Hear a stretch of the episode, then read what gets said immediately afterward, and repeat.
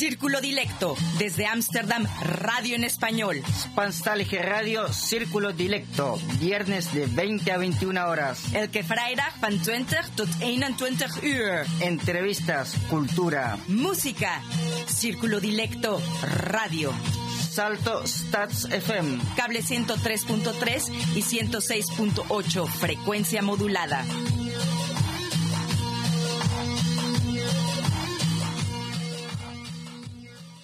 Un buen día para todas y todos nuestros radio escuchas. Un nuevo programa de Círculo Dilecto desde Amsterdam, Radio, Radio Salto. Y, como ya costumbre, en pandemia, un programa hecho en casa, con entrevistas, música y cultura, todo en castellano. Y hoy me toca a mí, Pablo Garrido, dirigir este programa, reemplazando muy difícil de hacer, por supuesto, a nuestra colega periodista mexicana Alejandra Nettel. Alejandra Nettel.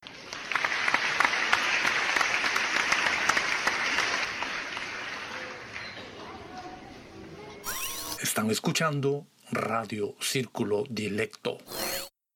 Comenzaremos con una breve entrevista realizada por nuestra compañera de equipo Janet Luján al cónsul del Perú en Holanda, con ocasiones de las votaciones realizadas este domingo recién pasado en Ámsterdam.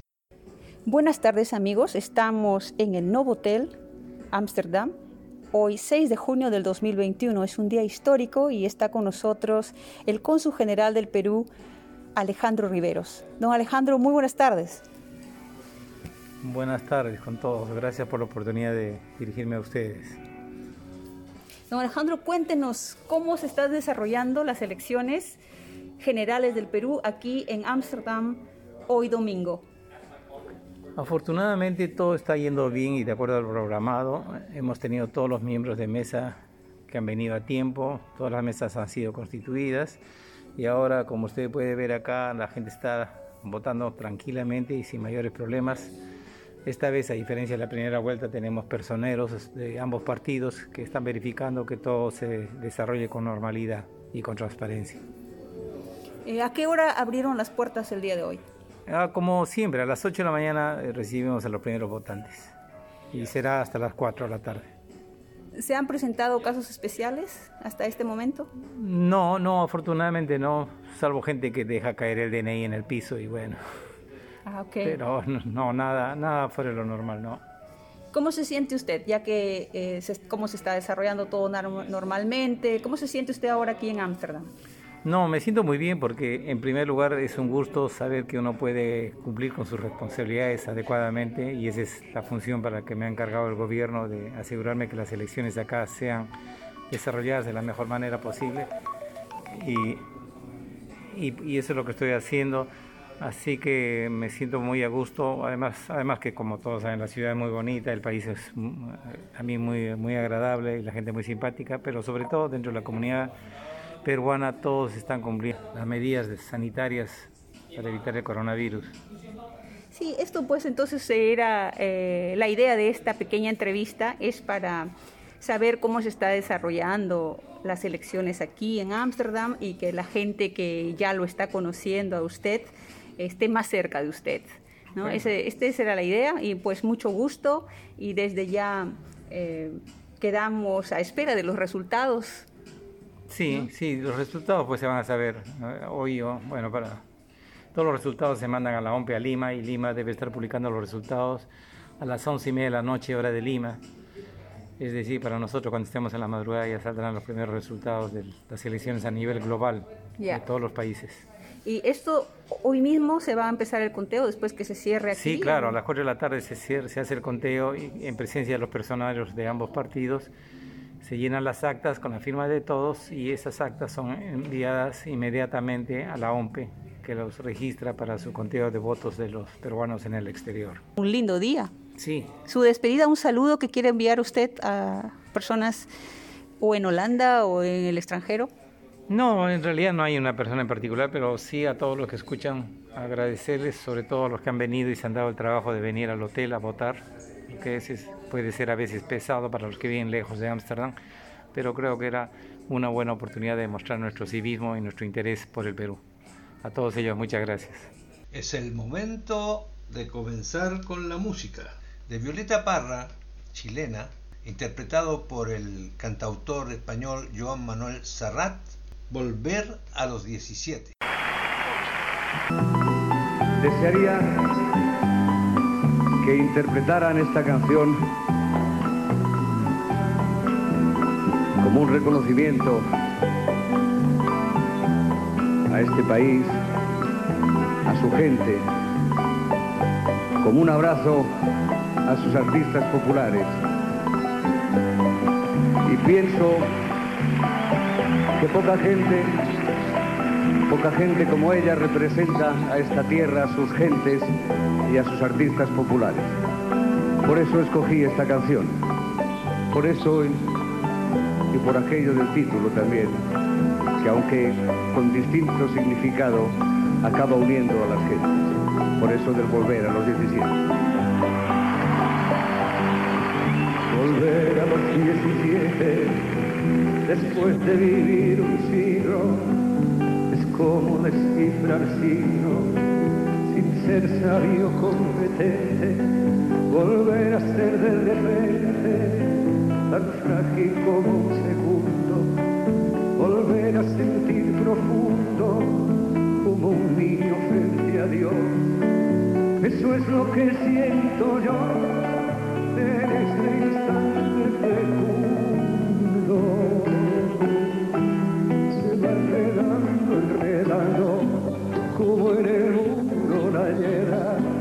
Y va brotando, brotando como el mosquito en la piedra, como el mosquito en la piedra, y sí, sí, sí.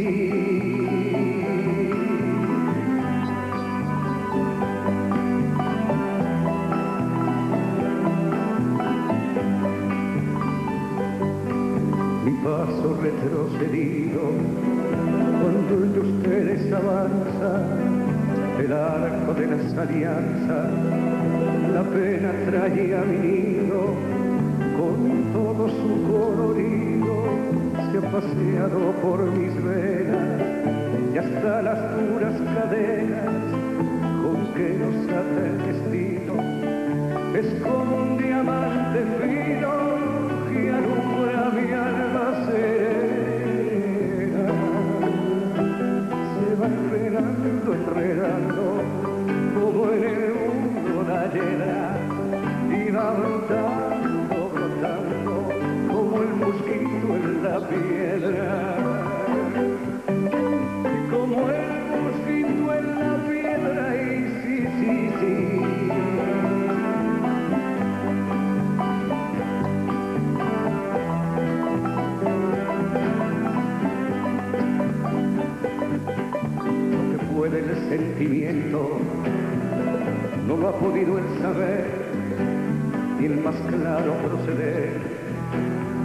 el más ancho pensamiento. Todo lo cambia el momento, cual mago condescendiente nos aleja dulcemente de rencores y violencias. Solo el amor con su ciencia nos vuelve tan inocentes. Se va enredando, enredando, como en el va brotando, brotando, como el mosquito en la piedra. Como el mosquito en la piedra, y sí, sí, sí.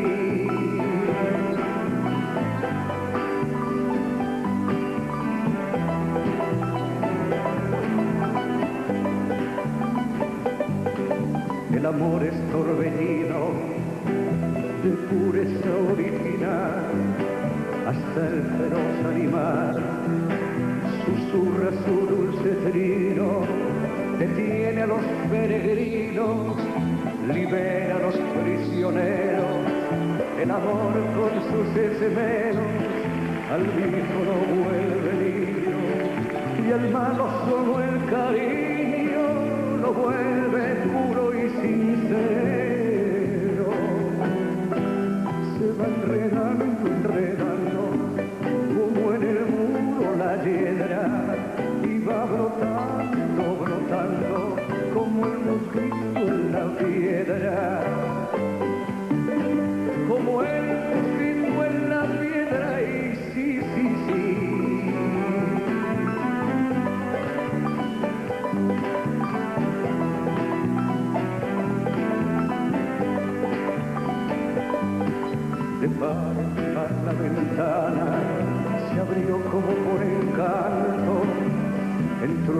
con su manto como una tibia mañana al son de su bella diana sobrotar el jazmín volando cual serafín. Al cielo le puso arete y mis años en diecisiete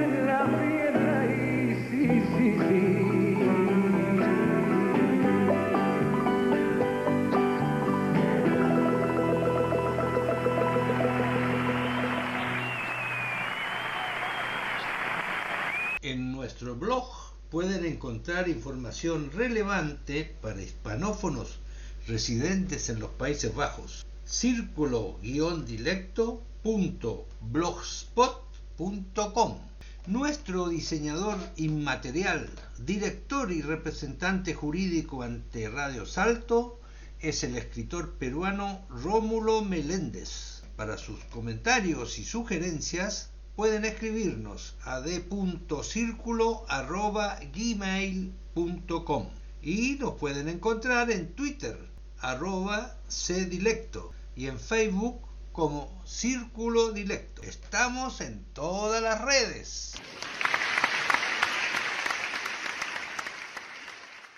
Nuestro principal entrevistado esta noche es el poeta Juan Tajes el poeta Juan Tajes, además de ser poeta, cuentista, director de teatro, actor, etcétera, etcétera, etcétera, también es cantor.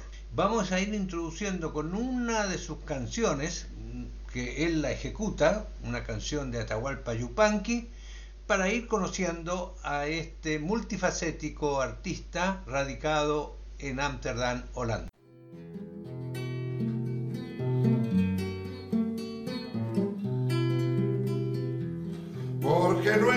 Los ejes, me llaman abandonado, porque no engraso los ejes, me llaman abandonado. Si a mí me gusta que suenen, ¿pa' que los voy a engrasar? Si a mí me gusta que suenen, pa' que los voy a engrasar. Es demasiado aburrido seguir y seguir la huella. Es demasiado aburrido seguir y seguir la huella. Andar y andar los caminos sin aire que no entretenga andar y andar los caminos sin nadie que lo entretenga. No necesito silencios, ya no tengo en qué pensar. No necesito silencios, ya no tengo en qué pensar. Tenía, tenía, pero hace tiempo ahora ya no tengo más. Tenía, tenía, pero hace tiempo, ahora ya no tengo más. Los ejes de mi carreta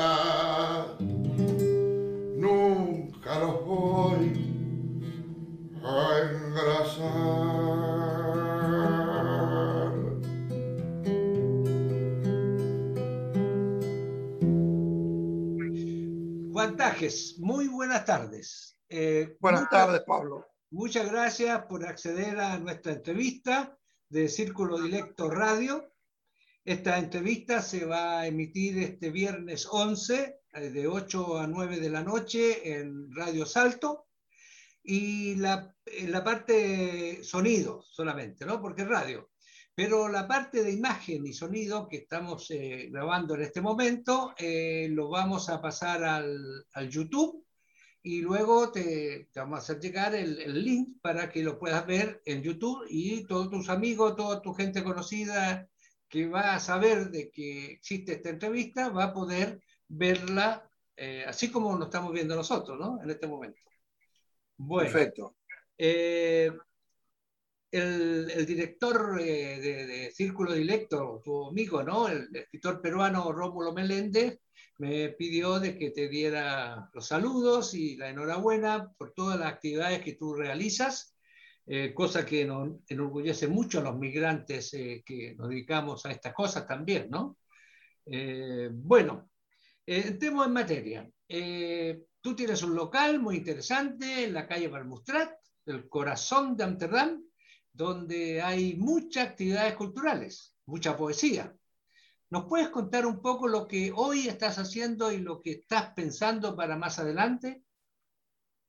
Bueno, sí. Eh, en este momento vamos, empezamos recién esta semana, luego de, del confinamiento de la pandemia, y retomamos con la producción de Carmen Toledo eh, la Caja Roja, Red Box, que son cuatro monólogos que escribió ella y que se hicieron en diciembre, pero que realmente se estrenan ahora. Y ella está haciendo cuatro funciones que están yendo muy bien, porque el local tiene cabida para unas 30 personas, pero estamos trabajando con 12 personas y están todas las funciones vendidas. Oh, qué bien. La gente estaba deseando venir. Fíjate que esto se decidió hace una semana hacerlo. O sea que, que en una semana la gente respondió. Eso es lo que estamos haciendo ahora. El día 26, con el amigo poeta Ramón Aniotis, eh, vamos a hacer una, una actividad sobre, eh, se llama La noche antes del golpe, porque el 27 de junio fue el golpe de Estado en Uruguay. Entonces el 26 de junio vamos a hacer eh, poetas, actores, músicos uruguayos que digan un mensaje para esta noche tan especial. Magnífico. Eso, vamos a hacer el 26. Nos pareció muy lindo para largarlo enseguida, ¿no? Se pega con la idea. Luego tengo el local abierto para presentaciones. Yo todavía no presenté mi libro porque lo pensaba presentar en Casa Migrante. Pero como Casa Migrante todavía está cerrada, sí. lo voy a presentar acá. Muy bien. Y lo vamos a presentar o con público reducido, o en la calle, o en la plaza, o en el jardín. Pero vamos a presentar dentro de poco, porque hace un año que está publicado el libro y todavía no se presentó. Ese, ese Y vamos a seguir eh, después del verano. Yo retomo con mi obra de teatro que se llama Las Memorias Troyanas, que son cuatro monólogos de cuatro heroínas de la guerra de Troya y es sobre la guerra, es sobre las mujeres asesinadas, matadas, comercializadas en la guerra y es un, son cuatro monólogos que los hace la actriz italiana Silvia Terribili, lo va a hacer en inglés esta vez. Y pensamos alargarlo en noviembre, lo íbamos a alargar el 13 de noviembre del año pasado. Sí sea que al menos lo vamos a sacar ahora el 13 de noviembre de este año. Eso es lo que estoy preparando. Y estoy, voy a preparar una obra nueva que estoy puliendo, que empecé a escribir el año pasado y seguí ahora, que se llama Laberinto, Yo sigo con la mitología griega y Laberinto es obra de tres personajes que sería la, la última hora de vida del Minotauro. Antes de que lo venga a matar Teseo, él se encuentra, él se encuentra con Ícaro, que es el hijo del constructor del laberinto, que lo invita a irse, a huir, pero él decide no huir y encontrar su destino. Y luego con Teseo, que es el que lo mata. O sea, yo lo llamo que es una obra de teatro que es la última hora del condenado a muerte. Madre mía, muy interesante. Y eso es el plan que tengo por ahora. Magnífico. Juan, eh, me preguntan por acá, ¿quién, quién eres tú? Entonces, acá en, en, la contratapa de tu hermoso libro, en el primero de los idiomas, que es en castellano, porque es un libro en cuatro idiomas, dice que Juan Carlos Tagen nació en Uruguay el año, no sé si te interesa que lo ponga. bueno, Póngalo, no importa. En 1946. Muy bien. Ya tú lo, con tu autorización. ¿eh? Poeta y artista multidisciplinario. Reside en Holanda desde 1971. Escribe poesía, teatro, narrativa y ensayo. Organiza eventos culturales e imparte conferencias sobre diferentes sujetos. Tiene obra literaria publicada en diferentes países. Lo que nos dice que además eres un gran actor y que también eres un gran cantor. Eh, lo, de, lo, de, lo, de, gran es una apreciación. Bueno, soy pero buena, buena, buena. Es una apreciación soy, que soy muy corpulento. Muchos, muchos acá. Eh, el canto es una cosa que está dormida por ahora, después de 40 años de trabajo de eso. Está tranquilo, está, está latente, pero está, está ahí, está ahí. Y actuar, bueno, yo eh, el único estudio que hice de, de, teatro. Entonces sí, profesionalmente soy un actor, es con lo que me he ganado la vida, con la voz me he ganado la vida siempre. Muy bien. Pero en fin, eso, eso, eso, eso. En el programa de radio, antes de que aparezca la entrevista, eh, vamos a poner una, una, grabación que encontramos tuya de los ejes de mi carreta. Así que cuando escuches el programa. Pero es una grabación es, muy antigua esa. No, pero está bastante bonita, muy linda. Así que. Muy, esa, debe ser muy antigua esa grabación. Bueno, pero esa va a introducir esta entrevista que estamos haciendo, ¿eh? para tu conocimiento. Bueno, se agradece, se agradece.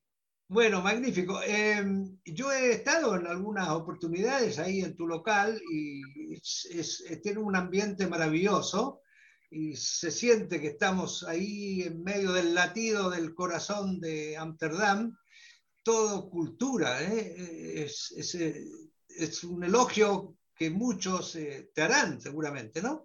Pero para los que nos están viendo, que sepan y se acerquen ahí. Barmustrat, ¿qué número es? 109. 109, Barmustrat 109. Sí, sí. Además está la exposición de tus máscaras, etcétera, etcétera. Otra cosa de tu, de tu capacidad y cualidad artística, ¿no? Pero estas son todas cosas adyacentes que entran de lo multidisciplinario. un, día, un día lo voy a explicar, pero todo tiene que ver, una cosa tiene que ver con la otra. Muy bien. Pero esto queda aparte ahora. Magnífico. Bueno, eh, ¿qué te parece? Mira, acá está el libro, ¿eh? los, del, los confines del agua en castellano y después tenemos en inglés, en francés y en turco. Bueno, eh, yo te cuento, yo estoy de voluntario en la Casa Migrante, en la biblioteca. Tenemos más de 7.300 libros, ejemplares de todas los de todos los eh, disciplinas, ¿no? Poesía, cuento, etcétera, etcétera. Y no hay ningún cuatrilingüe. No, no, no he visto no visto. Entonces, a mí me parece que es un libro, eh, desde ese punto de vista, único, en primer lugar. Y segundo, bueno, leyendo eh, los, poemas y también la introducción que hace de Simone al libro, que es magnífica, eh, me, eh, te quiero pedir si nos puedes contar cómo se gesta un libro cuatrilingüe. Y segundo, el tema, bueno, de, los autores, en fin, y después los, eh, los impresores, etcétera, para que quede perfecta la revisión. Y bueno, eso como primero. Y después, si nos hablas del contenido del libro, un poco. Bueno, eh, el hecho de que sean cuatro idiomas tiene que ver con el contenido del libro. Porque los confines del agua, que lo empecé a escribir hace cuatro o cinco años, tiene que ver con mis orígenes y con las aguas. Mi familia viajó. O sea, mi familia de parte de madre vienen de Uzbekistán, una parte, y de Egipto, otra parte, y eran casi todos súbditos del Imperio Otomano. O sea, la casa de mi abuela se hablaba árabe y se hablaba turco. La casa de mi abuela materna. Mis abuelos paternos, mis abuelos paternos vienen del norte de España. Todos. Y tengo una bisabuela indígena, correntina, doña Rosa, Medina, doña Rosa Medina. O sea que yo tengo muchas sangres mezcladas. Estos son los confines del agua. Ya, ya, ya. Y yo pensé, como yo trabajo en Francia, trabajaba en Francia, en ese momento yo trabajaba en Francia, y mi actividad se desarrolla en inglés, y yo lo escribí en español. Si hubiera tenido dinero para hacerlo en italiano y en portugués, lo hubiera hecho también. ¿eh? Pero no lo hice, no lo hice. próxima edición. fue una, esto fue una elección eh, además. Eh, y en turco, por una cuestión muy clara, la editorial está en Turquía. Esto surgió hace, eh, ¿qué te voy a decir? Casi dos años, un año y medio. Íbamos, me llevaban de regreso al aeropuerto en Estambul. mi colega poeta Mesut Zenor editor además y traductor. Y me dice, no quisiera, no quisiera publicar en nuestra editorial. Digo, bueno, sí, tengo, estábamos en el coche yendo al aeropuerto. Digo, sí, tengo una idea. Eh, tengo una poesía que trata de esto, de esto y lo otro. Él conocía esa poesía. Él la tradujo además. Y me dice, bueno, te llamo la semana que viene. Me llamó la semana siguiente, está arreglado. Se edita en, Estambul, pero tiene que estar en turco también. muy bien. me parece, me parece muy bien si se lo hacen. Tintero, el holandés. Y esto te lo voy a decir antes que me lo preguntes. Yo hace 50 años que vivo en Holanda. Hace 50 años que llegué a este país debe estar acá. Pero me parece que si tengo que hacer una edición en holandés, tiene que ser una decisión de una editorial holandesa, no mía. Ya, ya, ya. Yo, yo, mi tarea en este país, al cual le he dado mi, mi vida, mi trabajo, dos hijos, dos nietos y un bisnieto, y muchos amores, eh, creo que, que ya ha cumplido una tarea bastante grande. Creo que ahora tiene que venir el gesto de otro lado para publicar este libro en holandés. Pienso yo. Muy bien. Me parece justicia. Por eso no está en holandés. Porque aparte pienso que yo tendría que tener una, una edición en holandés, no solamente de este libro, sino de varias otras cosas porque esto es, una, esto es el último, pero hay otro trabajo. Tendría que ser una, especie de antología en el Andrés. Y lo Entonces, por eso no, por eso no, lo, por eso no lo, pero no lo puse, por eso no lo puse. Aparte me decidí, pero sí incluí las fotografías de mi trabajo plástico, que son los fugitivos de Atlantis, de Atlantis, porque tiene que ver con el libro, porque tiene que ver con el viaje de mi familia, porque ese es un proyecto que yo estoy haciendo sobre Atlantis, el continente perdido, y los fugitivos, nosotros somos todos fugitivos de un continente, de un continente perdido. Somos todos pues venimos todos de un continente perdido. Entonces me pareció muy interesante porque me habían propuesto otro tipo de ilustración. Y yo dije, no, voy a poner algo que tenga que ver conmigo. E hicimos esto. Y Arturo de Simone, esta es otra cosa muy importante, yo lo conocí a él en Nicaragua hace tres años, en el festival. Me parece una persona muy interesante porque es un poeta joven, es un ensayista joven, es un, individuo que tiene mucho talento y fuerza y poder de análisis, ¿entiendes? Y yo pensé, sí. Fíjate que él, él, tiene casi la edad de mi nieta, mayor. Yo me parece muy bien alguien que es tres generaciones más joven que yo, que él haga el análisis del libro. Y es excelente. ¿eh? Yo creo que desde este lugar llamamos a toda la gente que se interese en contactarte y, te compre el libro, porque a mí me ha gustado muchísimo. Eh, es muy, muy interesante. Incluso te queríamos pedir si en unos minutitos más, cuando termines esta explicación, nos quisieras leer uno de los poemas. Voy a tener que buscar el libro. Eh, bueno. Lo voy a hacer. Sí. Lo voy a hacer. ¿Qué poema querrías que te leyera? ¿Cuál? Éxodo. Ah, ese lo, tengo, lo tengo en el teléfono. Espera. Ah, Estamos en ese. Este está en, este está, está en el teléfono. Cuando quieras después. ¿Sí?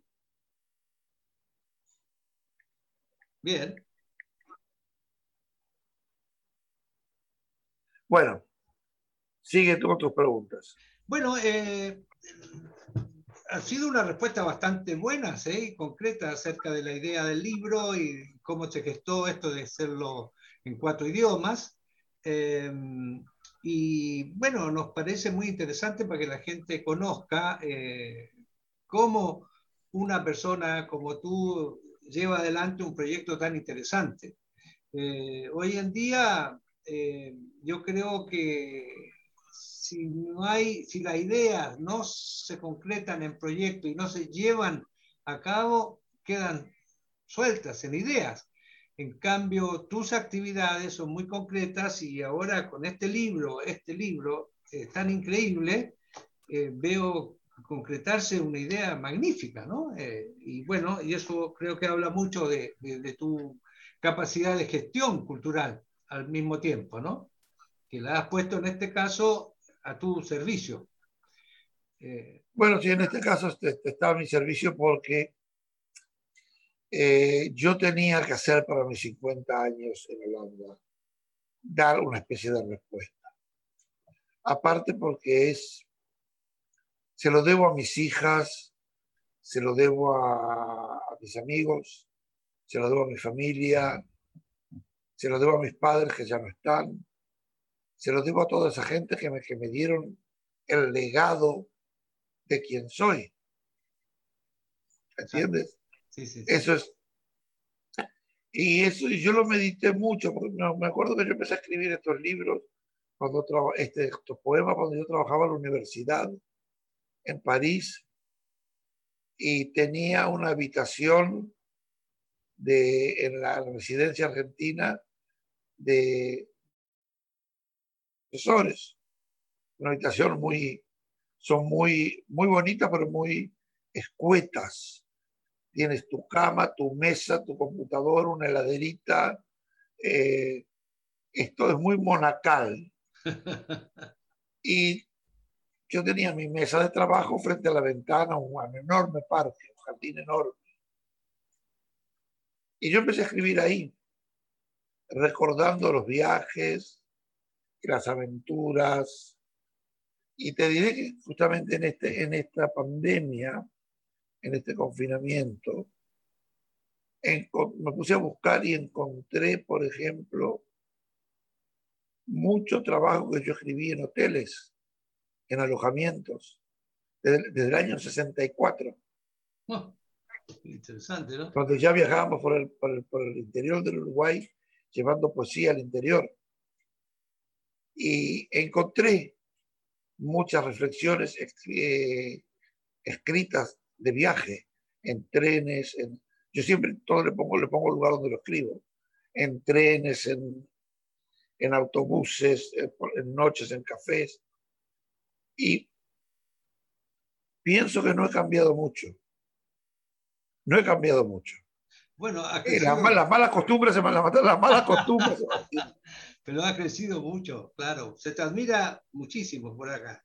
Eh, Juan, eh, como esto es relativamente corto, yo te quisiera pedir si nos puedes leer el Éxodo y finalmente, para terminar esta entrevista, si puedes enviar un mensaje al mundo, si quieres, o a los poetas eh, migrantes, a quien tú quieras.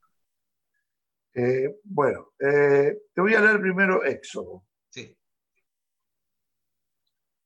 Desde el otro lado del agua se desplazan, huyen de bala, bomba, metralla, destrucción, agresión, despojo, llevando a cuestas incertidumbre, tristezas, miedo.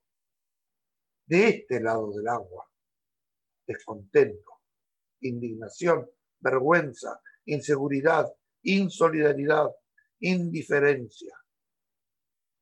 El agua no es de nadie, pero de nosotros menos. Para ellos es nave sin rumbo, o en el fondo del mar podridos cuerpos anónimos. Los mares son de marinos literarios, de intrépidos cobardes, de náufragos inventados. En los confines del alma boga la misma mentira, encarnada en mercaderes de esperanzas, soñadores de nada. El agua nos aísla, nos une, nos separa. Es la ilusión del viaje, en el dolor del éxodo. Pasajeros del tiempo, anónimos a la deriva, muchas veces encallamos sin brújula, sin mapas, y llegamos a las orillas desiertas de ninguna parte a donde nadie nos espera. Un gran aplauso, está muy lindo. Bueno, eh, Juan, tenemos que ir terminando y esperamos tu mensaje. ¿A quién quieras? Un mensaje. Un mensaje. Yo lo pensé mucho esto del mensaje. No sé a quién. Eh, escribir es un oficio. Escribir es un oficio como eh, modelar, como tallar piedra. Eh, no son profesiones. Escribir es una profesión cuando tú estás a sueldo de una editorial o a sueldo de un periódico o a sueldo de una revista. Ya es, es una profesión. Mientras tanto es un oficio. Y los oficios, si no se practican, se atrofian. Es como los talentos. Si el talento no se practica, te lo haya dado quien te lo haya dado, se atrofia. Entonces, ¿qué yo quisiera decir? Que para escribir,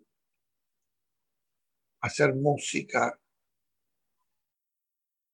actuar, pintar, escribir poesía, prosa. El oficio se adquiere trabajando, releyendo, corrigiendo, reescribiendo. Mira, yo no creo en tachar. Eso lo aprendí en la universidad en Francia. Tachar, me decía mi jefe, tachar está mal porque usted tacha, pero le queda la misma cosa rara que está ahí, tachada. Usted tiene que subrayar lo que más le interesa y reescribir. Ah, interesante, ¿no? Buen, buen, buen consejo. Y reescribir. Y si al principio escribió media página, escriba una, dos, tres. Y cuando ya llegue a diez páginas, que es una cosa insoportable, empiece a reescribir en menos. Va a poder. Vaya, al- vaya- va- sí, vaya al menos. Pero no tache, porque al tachar lo que hace es autocensurarse. Mira qué interesante. Cuando me dijo eso, yo pensé, digo, qué tontería. Pero no, no es una tontería, no es una tontería. Y no te digo que vas a reescribir de memoria todo, pero es sen- sentarse en contacto de estar trabajando sentado. Ahora que yo estoy releyendo cosas mías de hace 50 y 60 años, me doy cuenta que cosas que antes no me, pare- me parecían espantosas. Ahora digo, jo, este señor que escribía hace 60 años ¿verdad? no estaba tan mal lo que pensaba. Ahora enti- ahora entiendo por qué escribo como escribo, porque entonces yo escribía como escribía. Claro, exacto. E- e- Ese, ese tipo de cosas. Pero es, mu- es muy sano releerse y, y no censurarse. Y otra cosa es no subirse a tu propio caballo. Exacto. Si te subes a tu propio caballo, súbete al caballo de tu enemigo, si quieres, ¿entiendes? Pero no te subas a tu propio caballo porque eh, te vas a sentir, siempre te vas a sentir cómodo en tu caballo. Exacto. hay que salir, hay que salir un poco de la comodidad y decir, jo, bueno, yo me digo, yo, pienso una cosa, cuando me releo digo, jo, qué triste que era yo antes, cómo sufría, cómo qué enamorado que estaba, ¿de quién? ¿Y por qué sufría tanto yo que estaba tan enamorado? Y pero qué joven amargado que era yo. Es una cosa que, yo- que me viene enseguida que, que me releo, ¿entiendes? Ese tipo de cosas. Pero hay que mirarse con otros ojos, pienso yo. Entonces yo diría, gente que, que escribo, quiere escribir, reléase, reléase críticamente, reléase en voz alta. No te releas así, no, no, en voz alta, aunque te moleste. Relee, porque ahí te viene la cadencia, tu ritmo, ¿entiendes? Pienso que somos, es lo único que podría decir. No tengo mucho consejo que dar. Tampoco acepto consejos. Bueno, eh, Juan, dejamos hasta acá. Probablemente más adelante querido, sí, sí, sí, tendremos muy bien. otra oportunidad. Eh, te vuelvo a agradecer a nombre del Círculo Dilecto y el- del programa de radio. Eh, espero que mucha gente lo escuche y que mucha gente lo vea después en YouTube. Muchas gracias, Juan Tajes. Hasta pronto. Gracias, Pablo Garrido, y un abrazo a Rómulo Meléndez y a todo el equipo. Se lo daré. Gracias, querido. Gracias, Adiós. gracias. Están escuchando Radio Círculo Dilecto. Vertebracin, vertebracin, vertebracin, vertebracin, vertebracin, vertebracin, vertebracin, vertebracin, vertebracin, vertebracin, vertebracin, vertebracin, vertebracin, vertebracin, vertebracin, vertebracin, vertebracin, vertebracin. La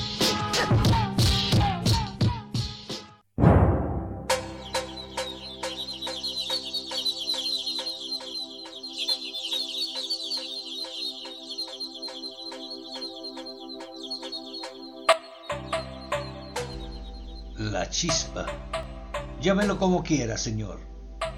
Pero todas y todos salieron a la calle. Se encontraron vecinas y vecinos que nunca se saludaban. Y esta vez se miraron, sonrieron. Ella levantó el puño y yo los pulgares arriba. Los dos pulgares en señal de victoria. La señora Mercedes llevaba a su hijo pequeño de la mano bien apretada. No vaya a ser cosa que se suelte y corra entre las piernas de la gente. Dejó todo en casa. Ella también sumaba. porque también sufría. Desigualdad y abuso, Señor. Ellas y ellos caminaban por la Alameda Grande. Cantaban todo con la voz más fuerte que nunca. Todo era un gran concierto de voces. El más grande coro jamás escuchado en Chile. En el norte, en el sur, entre montañas, ríos y arenas, todas y todos salían a la calle. Y cantaban, Señor, y gritaban, adelante, basta, ya no más. Un gran susurro recorre las mil marchas. El pueblo unido jamás será vencido. Preocupación y miedo recorre a los dueños del poder económico, Señor, y también político. Los que mandan con el dinero adelante, que son pocos, Señor, y los que obedecen a ese dinero, que son bastantes, están preocupados, Señor, porque la gente los señala. Y las marchas siguieron, Señor. El Pedro, la Juani, el Guille, Amanda y otros pusieron sus pechos, sus ojos, en la primera línea para cuidar a los de atrás, a la señora Mercedes y su hijito, y están presos, Señor, junto a estudiantes que con su chispa encendieron la llama de la conciencia general.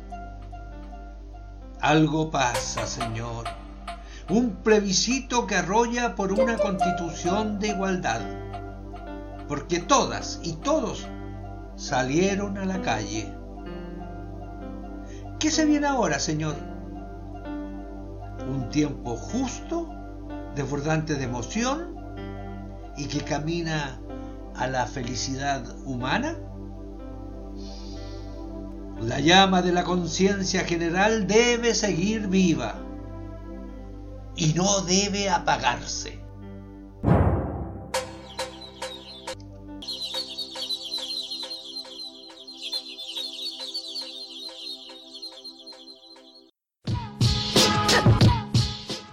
Vertebracín, vertebracín, vertebracín, vertebracín, vertebracín, vertebracín, vertebracín, vertebracín, vertebracín, vertebracín, vertebracín, vertebracín, Agradecemos sinceramente al cónsul del Perú por su entrevista y también a nuestro querido amigo poeta Juan Tajes por su también muy buena entrevista y aprovecho de saludar a los miembros del equipo que andarán cada uno por su lado y pronto estarán de vuelta en especial Alejandra, Irene, Janet, el Rengo Star, al director de nuestro programa, Rómulo Meléndez, y también al colaborador Giorgio Pucheta. Ahora una de las más bellas canciones del cantautor uruguayo Alfredo Citarrosa, una canción que fue dedicada a su amigo Becho.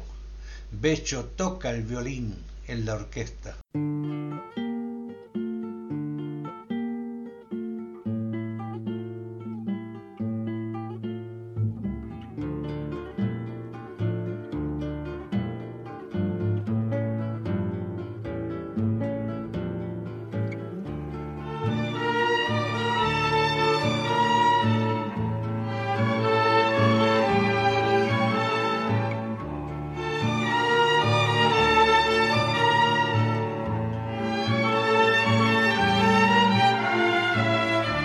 Pecho toca el violín en la orquesta, cara de chiquilín sin maestra, y la orquesta no sirve, no tiene más que un solo violín que le duele.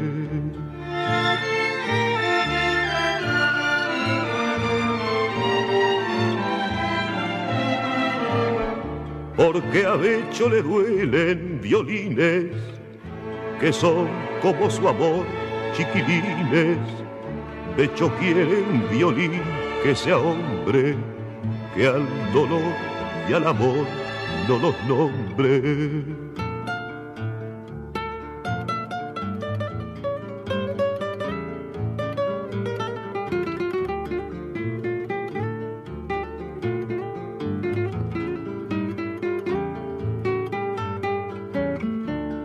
Tiene un violín que no ama, pero siente que el violín lo llama por las noches como arrepentido. Vuelve a amar ese triste sonido.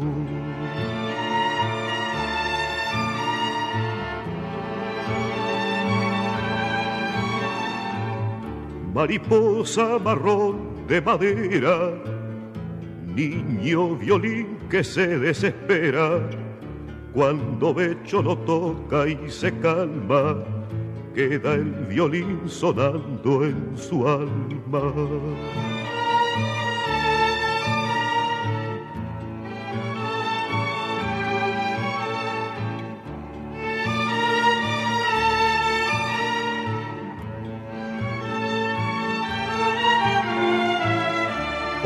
A le duelen violines que son como su amor, chiquilines. Becho quiere un violín que sea hombre, que al dolor y al amor no los nombre.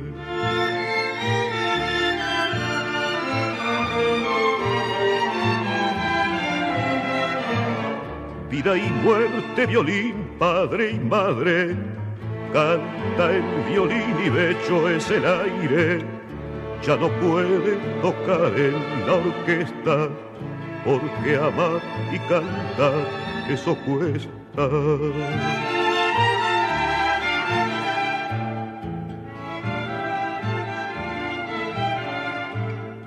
La la la la la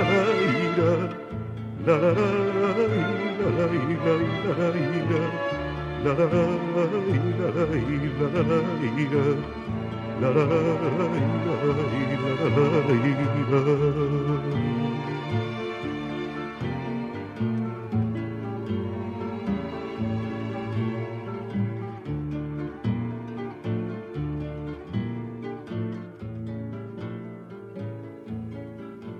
el mes de junio sorteamos el libro Heilige Oorlog, de hartverscheurende strijd van de Mexicaanse cristeros, de Robert Lem, eh, editado en holandés, y es la Guerra Santa, la desgarradora lucha de los mexicanos cristeros. Lo único que debe hacer para participar en el sorteo es escribirnos a d.circulo.gmail.com antes del 23 de junio del 2021. Estamos llegando al final de nuestro programa habitual de los viernes de 20 a 21 horas, Radio Salto, Círculo Directo, Amsterdam. Saludamos a todas y todos los radioescuchas y en especial a todos los que desde México, Colombia, Perú, Uruguay, Argentina, Chile, España y otros países donde nos escuchan atentamente. Les deseamos a todas y todos mucha fe y esperanza, porque al virus sabremos vencer. Buen fin de semana a todos y todas. Los esperamos el próximo viernes nuevamente en el horario indicado. Felicidad siempre. Y cariñosos saludos a los confinados en Maipú. Y un especial saludo al pueblo peruano por su ejemplar demostración democrática este domingo recién pasado y que utilizando las urnas se pronuncia por el futuro de su país. Abrazos a todas y todos en ese gran país. En especial nos cabe saludar y abrazar y felicitar a los peruanos residentes en Holanda. Ahora Estela Raval nos dice que resistiré.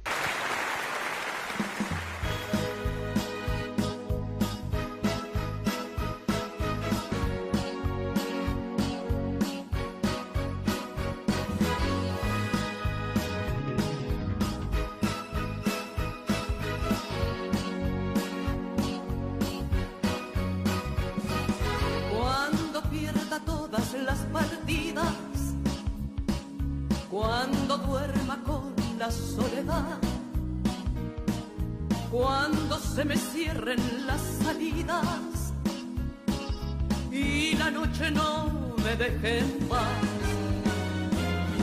cuando sienta miedo del silencio, cuando cueste mantenerse en pie cuando se revelen los recuerdos y me pongan contra la pared. Frente a todo, me volveré de hierro para endurecer la piel y aunque los vientos de la vida soplen fuerte, soy como el junco que se dobla, pero siempre sigue en pie. Resistiré para seguir viviendo, soportaré los golpes y jamás me sueños se me rompan en pedazos, resistiré.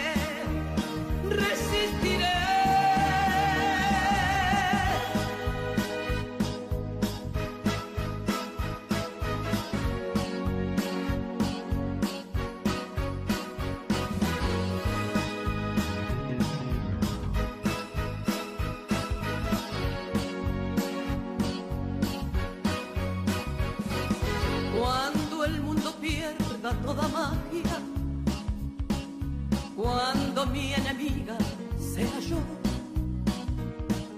cuando me apuñalen la nostalgia y no reconozca ni mi voz, cuando me amenace la locura, cuando en mi moneda salga cruz el diablo pase la factura,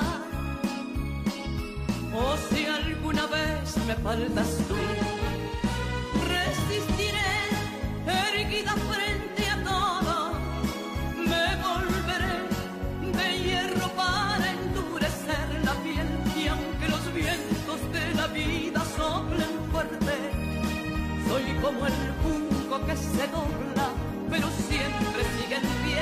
Resistiré coração.